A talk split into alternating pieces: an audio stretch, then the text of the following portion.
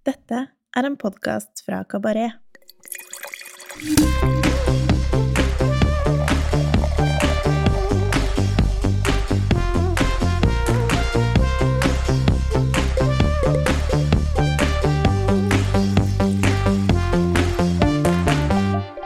Hallo, hallo. Velkommen til Ukas vin, en podkast fra Kabaret, der vi hver uke tester én vin som vi enten digger eller har trua på. Jeg heter Tom Endresen, og i denne episoden har jeg med meg Kristina Marie Helle, sjef på vinbaren Radegast i Oslo. Hei, Kristina. Velkommen. Hallo. Alt bra? Ja, Ja. vil vi si det? Dere holder stengt? Ja, det er kjedelig. Klar for å komme tilbake igjen? Veldig, men det ser ikke lyst ut akkurat nå, da. Nei, det gjør det ikke. Men det er, eh, det er, det, det, det, er kjedelig å snakke om. Vi, vi snakker heller om noe annet. Ja takk. Kan snakke om vin. kan snakke om vin. Det er mye hyggeligere. Du, kan ikke du fortelle litt sånn eh, kort og gjerlig om hvor du har jobba før, og hvordan du kom inn i vinbransjen? Hmm, ja, det er sånn kjempe Det er ikke en sånn kjærlighetshistorie. Det er ikke Romeo og Julie akkurat, men eh, det er nå greit. Jeg har jo bodd i Oslo i ni år, og de første fem årene så gjorde jeg vel ingenting som har med verken vin eller servering å gjøre. Og så begynte jeg på Hotell Continental for eh, ja, vet ikke hvor mange år siden det er nå. På banketten der, og jobba egentlig som en, eh, en veldig eh, fin robot. Eh, serverte kaffe og jobba av og til på kvelden og skjenka litt vin. Men da kunne jeg ingenting. Jeg jobba jo med fantastiske viner, men jeg hadde ikke peiling på hva det var for noe. Mm. Så begynte jeg på annen etasje, som var min første liksom à la carte-jobb. Og da fikk jeg eh, Da var det jo plutselig Da måtte jeg servere vin og fortelle om vin og kunne bitte litt.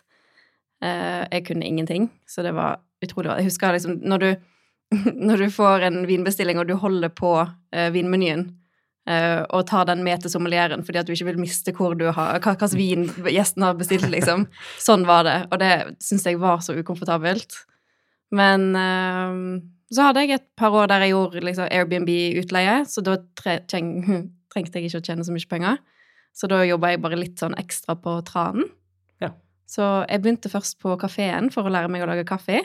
Fordi at jeg syntes det var så kjedelig å ikke vite hva, hva folk ville ha når de bestilte cappuccino. Jeg hadde ikke peiling hvordan jeg skulle lage en cappuccino. Så da begynte jeg der. Og så begynte jeg å snakke med Magic, og fikk jobb på kvelden. Og uh, jobba litt på tranen på kvelden et år eller et eller annet sånt. Og Jonas der, som dere har hatt før på podkasten, begynte å lære meg litt om vin. Ja. Så Jonas er faktisk min første vinlærer. Ja, det visste jeg ikke. Det var gøy at du eh, kom rett etter han som gjest. da. Ja, Det var, Tilfeldig. Så, og han er jo, altså han er jo så flink, han er jo et leksikon. Så han viste oss eh, masse, masse, masse gøy. Og eh, etter det så fikk jeg tilbud om hovmesterstilling på Nedre Fossgård på Grünerløkka i Oslo, som brant jo et par år før. Eh, så dette var etter gjenoppbyggingen, så trengte de et helt nytt team.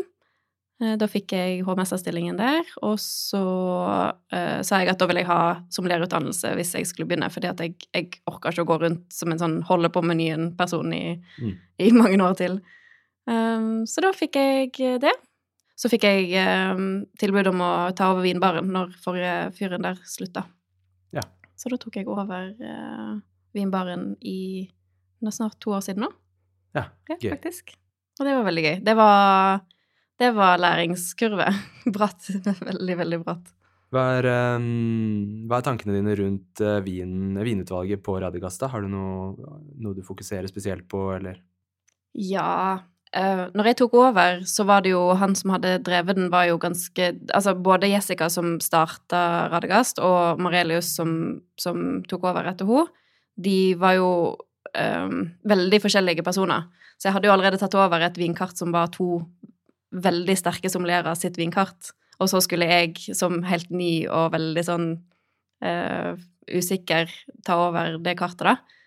Da begynte jeg egentlig bare med, med hva jeg liker, egentlig. Altså, det er jo såpass stort. Jeg har et veldig stort varelager. Vi har jo 700 forskjellige viner, eh, og egentlig alt på glass. Jeg er ganske spandabel på hva vi åpner, for jeg syns det, det er jo gøy for både meg og mine ansatte eh, å smake på forskjellige ting. Så um, det var egentlig bare det å eh, prøve å finne ut hva jeg, hva, hva jeg faktisk likte. Og det har jo liksom Radagast lært meg, da, er jo hva jeg sjøl liker.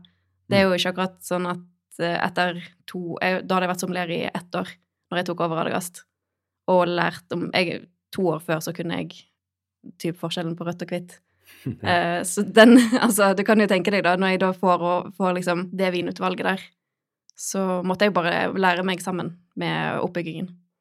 Uh, så vin, vinkartet som jeg har laga opp nå Jeg er veldig glad i amerikansk pinot. Veldig sånn fruktig pinot, eller sånn jeg, jeg er veldig glad i veldig masse forskjellig. Litt sånn schizofren på stilen min. Jeg har ting jeg ikke liker, Ja. og de tingene liker jeg ikke. Og så har jeg, jeg er veldig åpent på alt det andre. Fortell hva du ikke liker. oh. um, jeg, er, jeg er veldig lite glad i syra.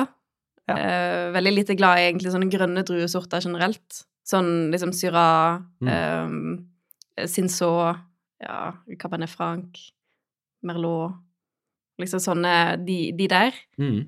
jeg er ikke noe fan av. Og så har jeg eh, så, jeg- så Det er mer det at jeg har liksom den der Jeg, jeg, jeg liker å bli overraska, så hvis folk har lyst til å gi, gi meg eh, det som jeg ikke liker, og få meg til å like det, så er det supert. Jeg har blitt overbevist et par ganger. Men eh, Så jeg heller Det er jo samme som når jeg går ut på restaurant og bestiller vin. Jeg sier eh, jeg vil bare ha en flaske, den skal koste det som den skal koste, og så vil jeg ikke ha de to tingene her. Mm. Og hvis de da gir meg det jeg ikke har lyst på, og det er kjempegodt, så er jo det bare superhyggelig. Så det, det, det tenker du litt når du serverer gjester også, da? At du går litt inn i samme tilnærming? Ja, jeg syns det er litt gøy. Den vinbaren, vinbaren min har jo prøvd å skape som et sånt veldig hyggelig sted. Det er det Jeg tror ikke folk Når de velger hvor de skal gå ut og bruke liksom 200 kroner på et glass vin, så tror jeg de har bare lyst til å bli tatt vare på. Mm. Altså, det tror jeg alle som har lyst Alle som går ut for å drikke eller spise, de går ut for å bli Å ha det fint og bli tatt vare på av noen. Mm. Og det var det som var begynnelsen, eller begynnelsestanken min når jeg ville liksom starte i den bransjen her, er at jeg har lyst til å ha en opplevelse Eller gi en opplevelse sånn som jeg har lyst til å ha den sjøl. Det var vel det jeg skrev i faktisk min egen søknad når jeg til eh, Continentalia, at jeg har lyst til å lage en bra opplevelse for folk. Ja, det er jo veldig hjemmekoselig og hyggelig på, på Radias. Det føles Ja. liksom interiøret og alt føles jo ut som det er litt sånn hjemme hos noen. ja, det er jo det er, veldig, det, er ikke det det man vil, da?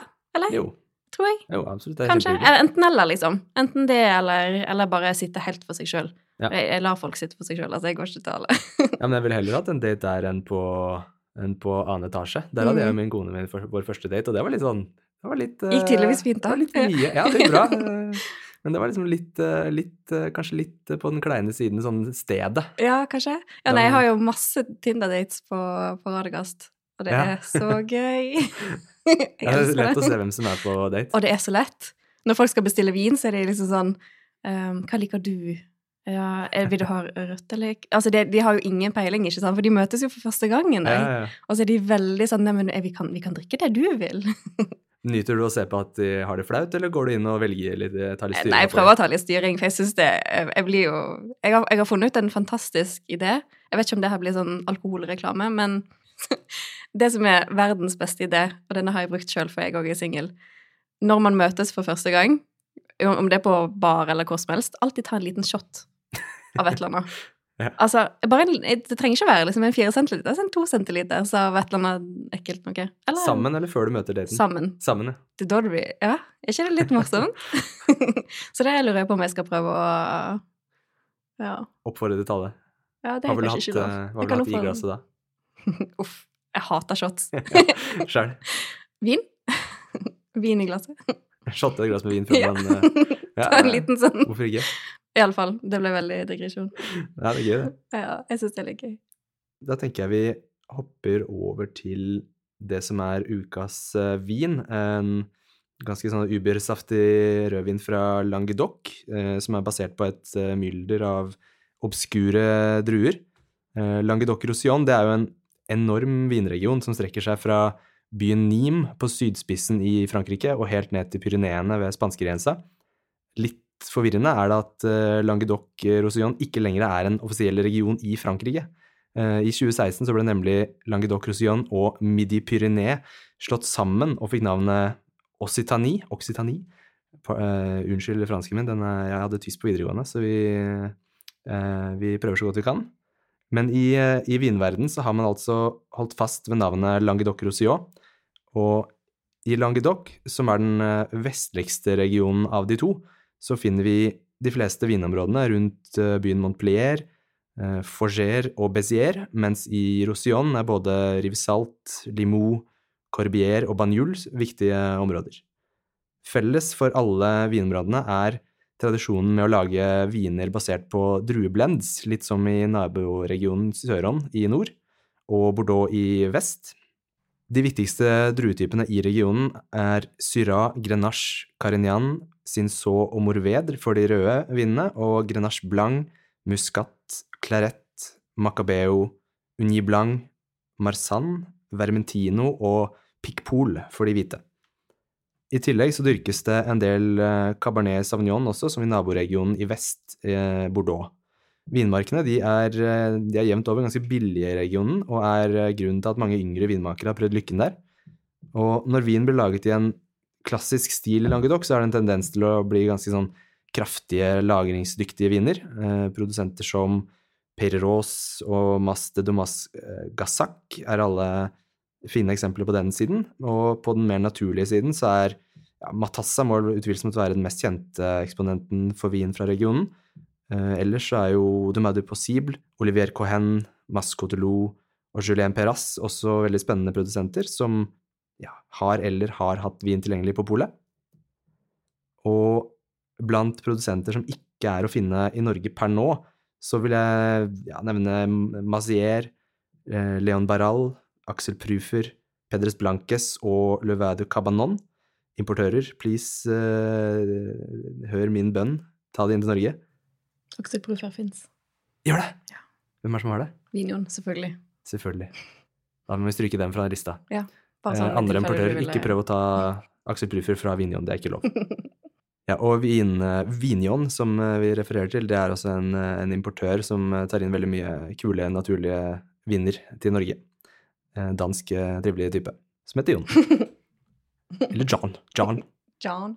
Hva er ditt forhold til Languedoc, Kristine? Har, har du noe forhold til det? Uh, Aksel Prufer er uh, Altså, det var litt morsomt at du sa det, for det, det er ganske lite jeg syns er så interessant. Eh, men Aksel Prufer er fantastisk. Faktisk eh, kun smakt én vin fra han selv, men det er veldig, veldig, veldig godt. Det var en av de eh, største gavepakkene jeg fikk når jeg tok over Radegast, var at Aksel Prufer var nesten Jeg tror jeg hadde sju eller åtte kuveer. Ja. Men Vinjon har hatt litt problemer med å få tak i de siste året. Jeg tror, han, jeg tror Aksel Prufer sliter litt med å få laga nok, eller et eller annet sånt. Spurte Jon om det i fjor. Men det, det, det er så godt. Det er så juicy og deilig. Og så liker jeg veldig godt det hvite som kommer fra regionen. Men jeg er ikke så veldig Sånn som Å, hva heter han der eh, La Sorga.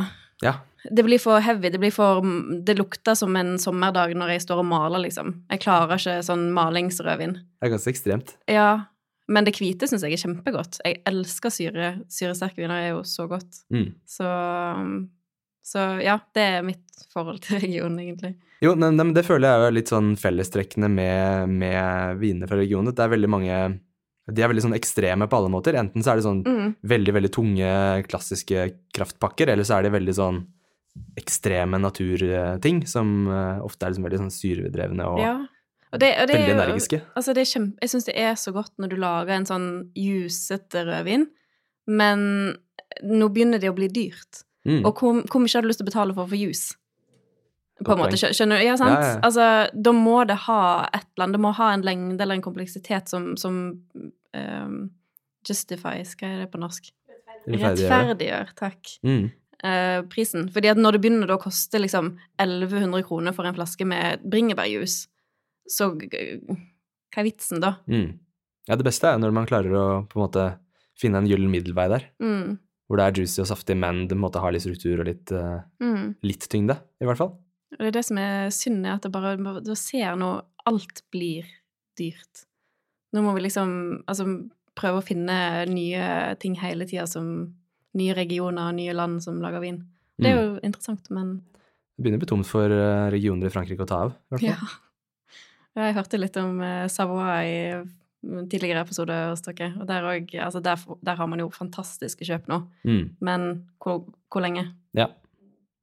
ja. Hva blir det neste? Men ja, i alle fall, vin. Hei! Heidi fra nettbutikken vinskap.no her. Vi kan ganske mye om vin og enda mer om tilbehøret.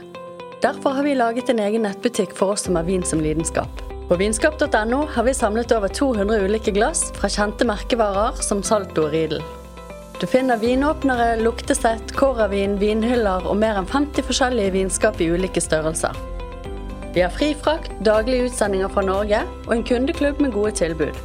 Besøk vinskap.no i dag.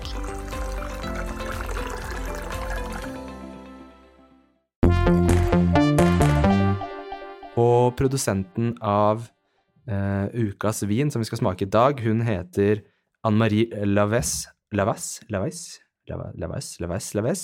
Hun var opprinnelig arkitekt i Paris før hun ble lei av jobben sin og reiste sørover for å bli vinbonde. I 1993 så kjøpte hun en forlatt vinmark i Saint-Jean de Minervois, en kommune i Hérault-departementet i vinområdet Languedoc. Der jobbet hun med med jorda og beskjæring av plantene sine i, i, syv år før hun produserte sin første årgang i 1999. Anne-Marie hun driver uh, Le Petit Domain de Gimios sammen med sønnen Pierre, og sammen så er de sterke forkjempere av biodynamikk og naturlig jordbruk. Mange av vinmarkene de eier, er eldgamle og leverer vanvittig lav avkastning, helt ned mot seks uh, hektoliter per hektar, som er ekstremt lite. I området Saint-Jean de Minervois så produseres, produseres det veldig mye søtvin basert på muskatdruen, men Le Petit Gimios de fokuserer på å lage tørre viner med den aromatiske sorten. I tillegg til muskat så dyrker Lavas en hel haug med lokale samplantede druesorter. Det vil si at både grønne og blå druer er plantet om hverandre i vinmarkene. Cuvéen Rouge Fruit, som vi skal drikke i dag, den er biodynamisk dyrket. Det er 113 år gamle vinstokker som er planta i et jordsmonn av kalkstein. Alle de 16 forskjellige druetypene er samplanta. Hele klasser spontanfermenteres med to ukers skallkontakt. Videre modning på ståltanker i åtte måneder før flasking. Vinen den er ufiltrert og usvovlet. Druemiksen det er en ordentlig eventyrblanding av 16 forskjellige sorter Hold dere fast. Carignan, Grenache, Cinsault, Morveder, Oiad, Alicante, Aramon, Muscat à Petit Gras, Barbarossa og Terrette. Pluss, pluss, pluss, pluss, pluss, pluss. Vinen den koster 379,90 på polet. Skal vi smake litt? Gjerne. Og for å ta liksom den fargen som man da ikke kan se på podkasten, så er den ja, ganske sånn lys til medium, eller ganske ren rød. Litt grann ufiltrert. Jeg vil nesten si at den er litt mørk. Syns Ja. den er så lys? Eller nå, Nei, kanskje, ja, kanskje jeg bare nå har liksom Aksel Proofer i uh... Ja, nei, medium kanskje. Medium er medium mørk.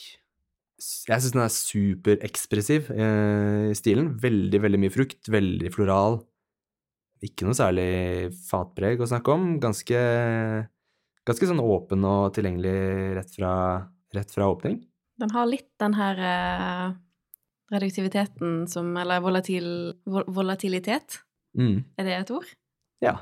Altså den veldig sånn, litt sånn Den har et hint av maling. Mm.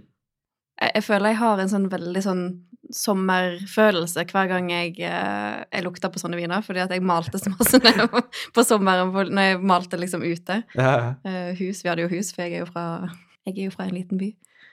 Så det minner meg om sommer. Så egentlig så burde jeg jo elske Languedoc. I Ja, utgangspunktet positivt. ja, Ja. sant? Kanskje det er bare vestlendingen i meg som er sånn sommer, nei, da er det sol. Uh. Nei, men jeg vil si det er ganske, det er ganske sånn sommerlig, sommerlig stil på den. Det er ganske floralt og, og fruktdrevet. Frukten er jo ganske sånn på den Ja, den er, den er ikke sånn veldig lett å pinpointe, kanskje, men den er, med, den er på den røde siden. Litt, liksom litt jordbær, litt bringebær. Men det kan, det kan liksom gå litt all over the place på fruktsiden. Ja, men nesten, nesten. Jeg syns vi kan nesten dra inn liksom litt mørke sånn solbær, eller Altså nesten litt sånn mørkere bjørnebær, eller noe sånt, da. For den har liksom den lille overgangen til noe litt feistigere. Mm.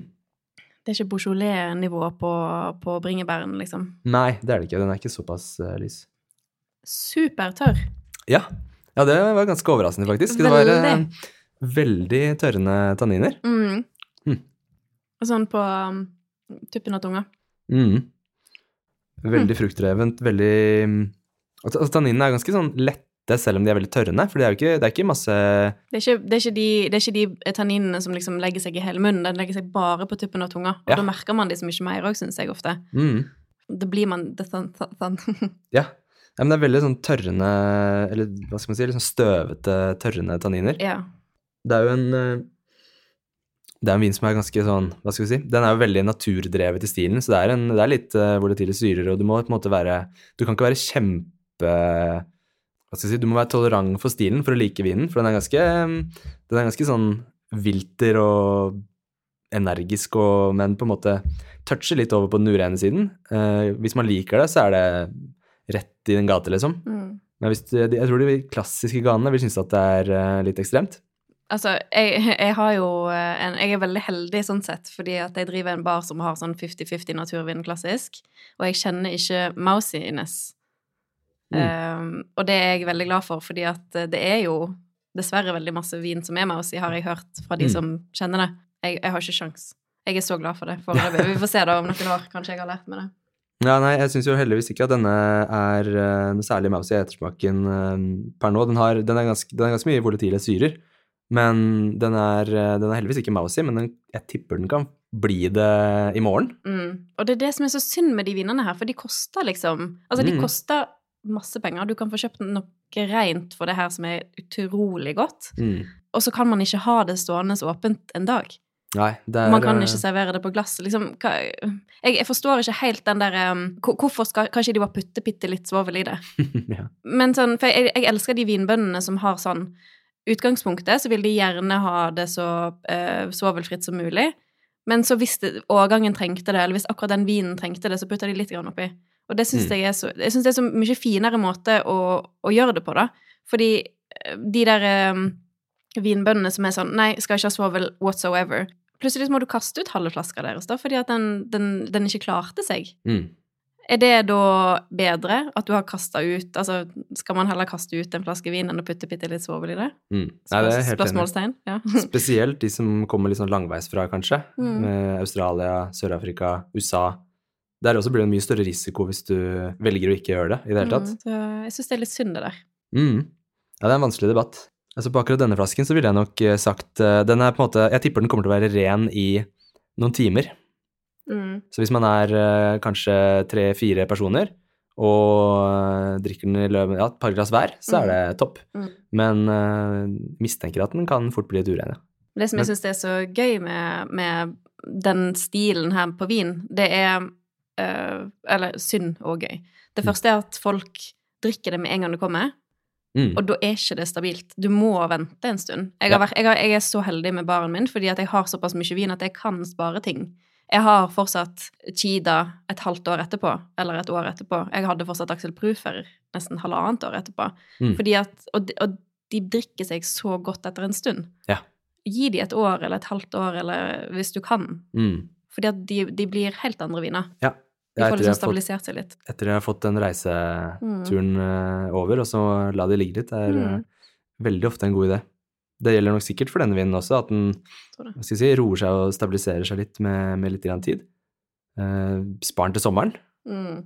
Den ville vært perfekt om sommeren. Mm. Men det er det som er litt sånn, det er det som er, som du sier, både gøy og litt kjipt med disse vindene, er at eh, på sitt beste, når de, liksom, når de treffer og er rene, så kan det være helt magisk, og at det Mm. har liksom en, en sånn nerve som man Mm. kanskje kan miste litt i viner som er litt mer, eh, hva skal jeg si, litt mer safe konvensjonelt laget. Mm. Men du ender jo også opp med å måtte helle ut litt, Ja. iblant.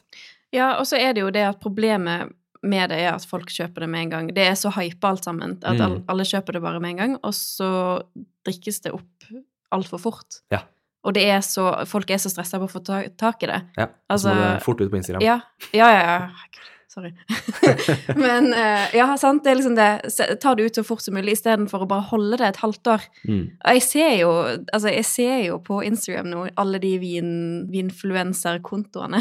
Mm. Jeg tror det er et sånn kappløp, altså. Ja. Jeg vet ikke hva du syns sjøl. Ja, ja det føles eh, veldig ut, ofte veldig ut som at det er om å gjøre å på en måte vise frem et nytt uh, funn, Mm. eller Ja, sant. om å gjøre på en måte ja, drikke ting først. Men Mm. jeg kan jo på en måte helt sikkert skjønne det på en måte, men eh, det er jo ikke noe gøy når det går utover kvaliteten på vinen. Nettopp.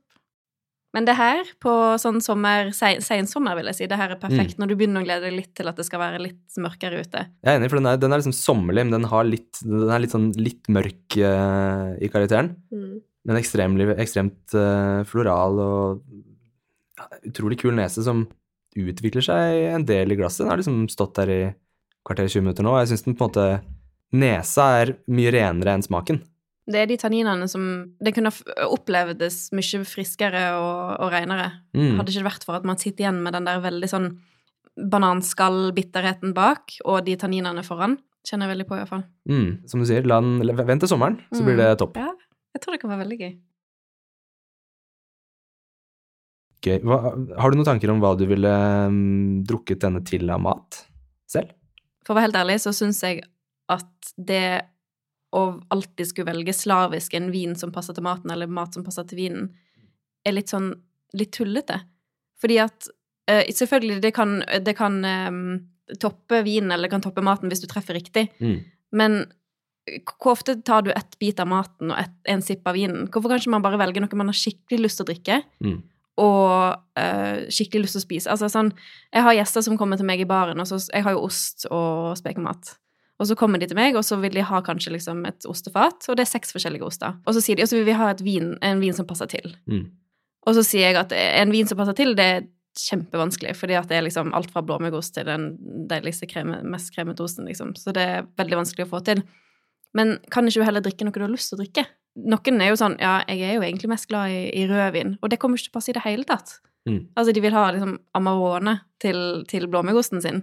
Men det er jo det de liker, ikke sant? Hvorfor skal jeg da gi de en eller annen søt, dritig Riesling? Cabin, eller sånn ice wine eller et eller annet som faktisk kommer til å passe til, når de kommer til å synes at det er altfor søtt? Mm. Ja, det er et veldig godt poeng. Selvfølgelig, jeg elsker jo å gå ut og spise 20-retters, og så får du en vin som passer perfekt til. Det er jo kjempegøy. Mm. Men det er ikke alltid Nei, men det er kanskje litt av det magiske ved det, er også at man får det på de restaurantene. At man har de opplevelsene på restaurant, kanskje. At, med, mm. at man ikke trenger å jobbe seg i hjel hjemme med å få det til. Så eh, pizza. Spis pizza til alt. ja, Passer til alt. det gjør det. Det er også en, eh, jeg tenker også en vin som står seg veldig sånn fint aleine. mm, ja, ja. Gjerne kanskje liksom Litt kjølig. Ja, og kanskje oppleve, eh, hva skal jeg si, stedet og opplevelsen du er, kanskje er viktigere enn hva du spiser den til. Mm. Hvis du sitter ute på en, at det er en solnedgang og du griller noe, for eksempel, så Mm. kanskje det er opplevelsen som passer til den vinen, fremfor Mm. liksom spesifikt akkurat hva du spiser. Ja, og så, og så tror jeg man, man mister så mye fokus på vinen. Mm. Ett glass vin når du spiser mat samtidig. Da klarer ikke du å tenke på den vinen. Ja, jeg vet ikke. Det er litt sånn Jeg syns det der er vanskelig. Mm. Vanskelig del av uh, sommelieryrket. For å oppsummere litt, så kan man jo si at, at det er en veldig sånn veldig, veldig fruktdreven floral vin med, som er tydelig ganske ung, og kanskje kan ha godt av å ligge noen måneder for å liksom roe seg og stabilisere seg litt. Jeg personlig tror den kan bli ganske så magisk sånn i det riktige øyeblikket til sommeren. Den, den utvikler seg ganske mye sånn når den glasset også. Jeg syns karakteren er liksom nesten mørkere nå enn enn den var i stad. og Ja, og jeg har jo et litt annet glass enn deg, så det kan jo hende at jeg har spilt inn litt på For jeg, jeg følte jo den var veldig mørk fra begynnelsen av. Jeg har jo et eh, ikke det Bordeaux-glass jeg har. Mm, Salto Bordeaux, og du har eh, Riesling. Universal. Mm, Så det kommer nok til å ha ganske stor forskjell på, på våre mm, det er sant. Men det, det er de tanninene som Ja, kanskje de trenger Kanskje de trenger et år. Kanskje neste sommer er perfekt. Jeg tror det her er en perfekt vin for å se på en utvikling av en vin. Kjøp to flasker av den her. Mm, Drikk en på sensommeren i år, og så sparer du en til neste år. det høres ut som en uh, topplan. Herlig. Da vil vi bare si følg med i neste episode. Da tester vi en eh, fresh uh, Chenin Blanc fra Sør-Afrika. Kristina blir med oss videre. Ha det bra. Ha det bra.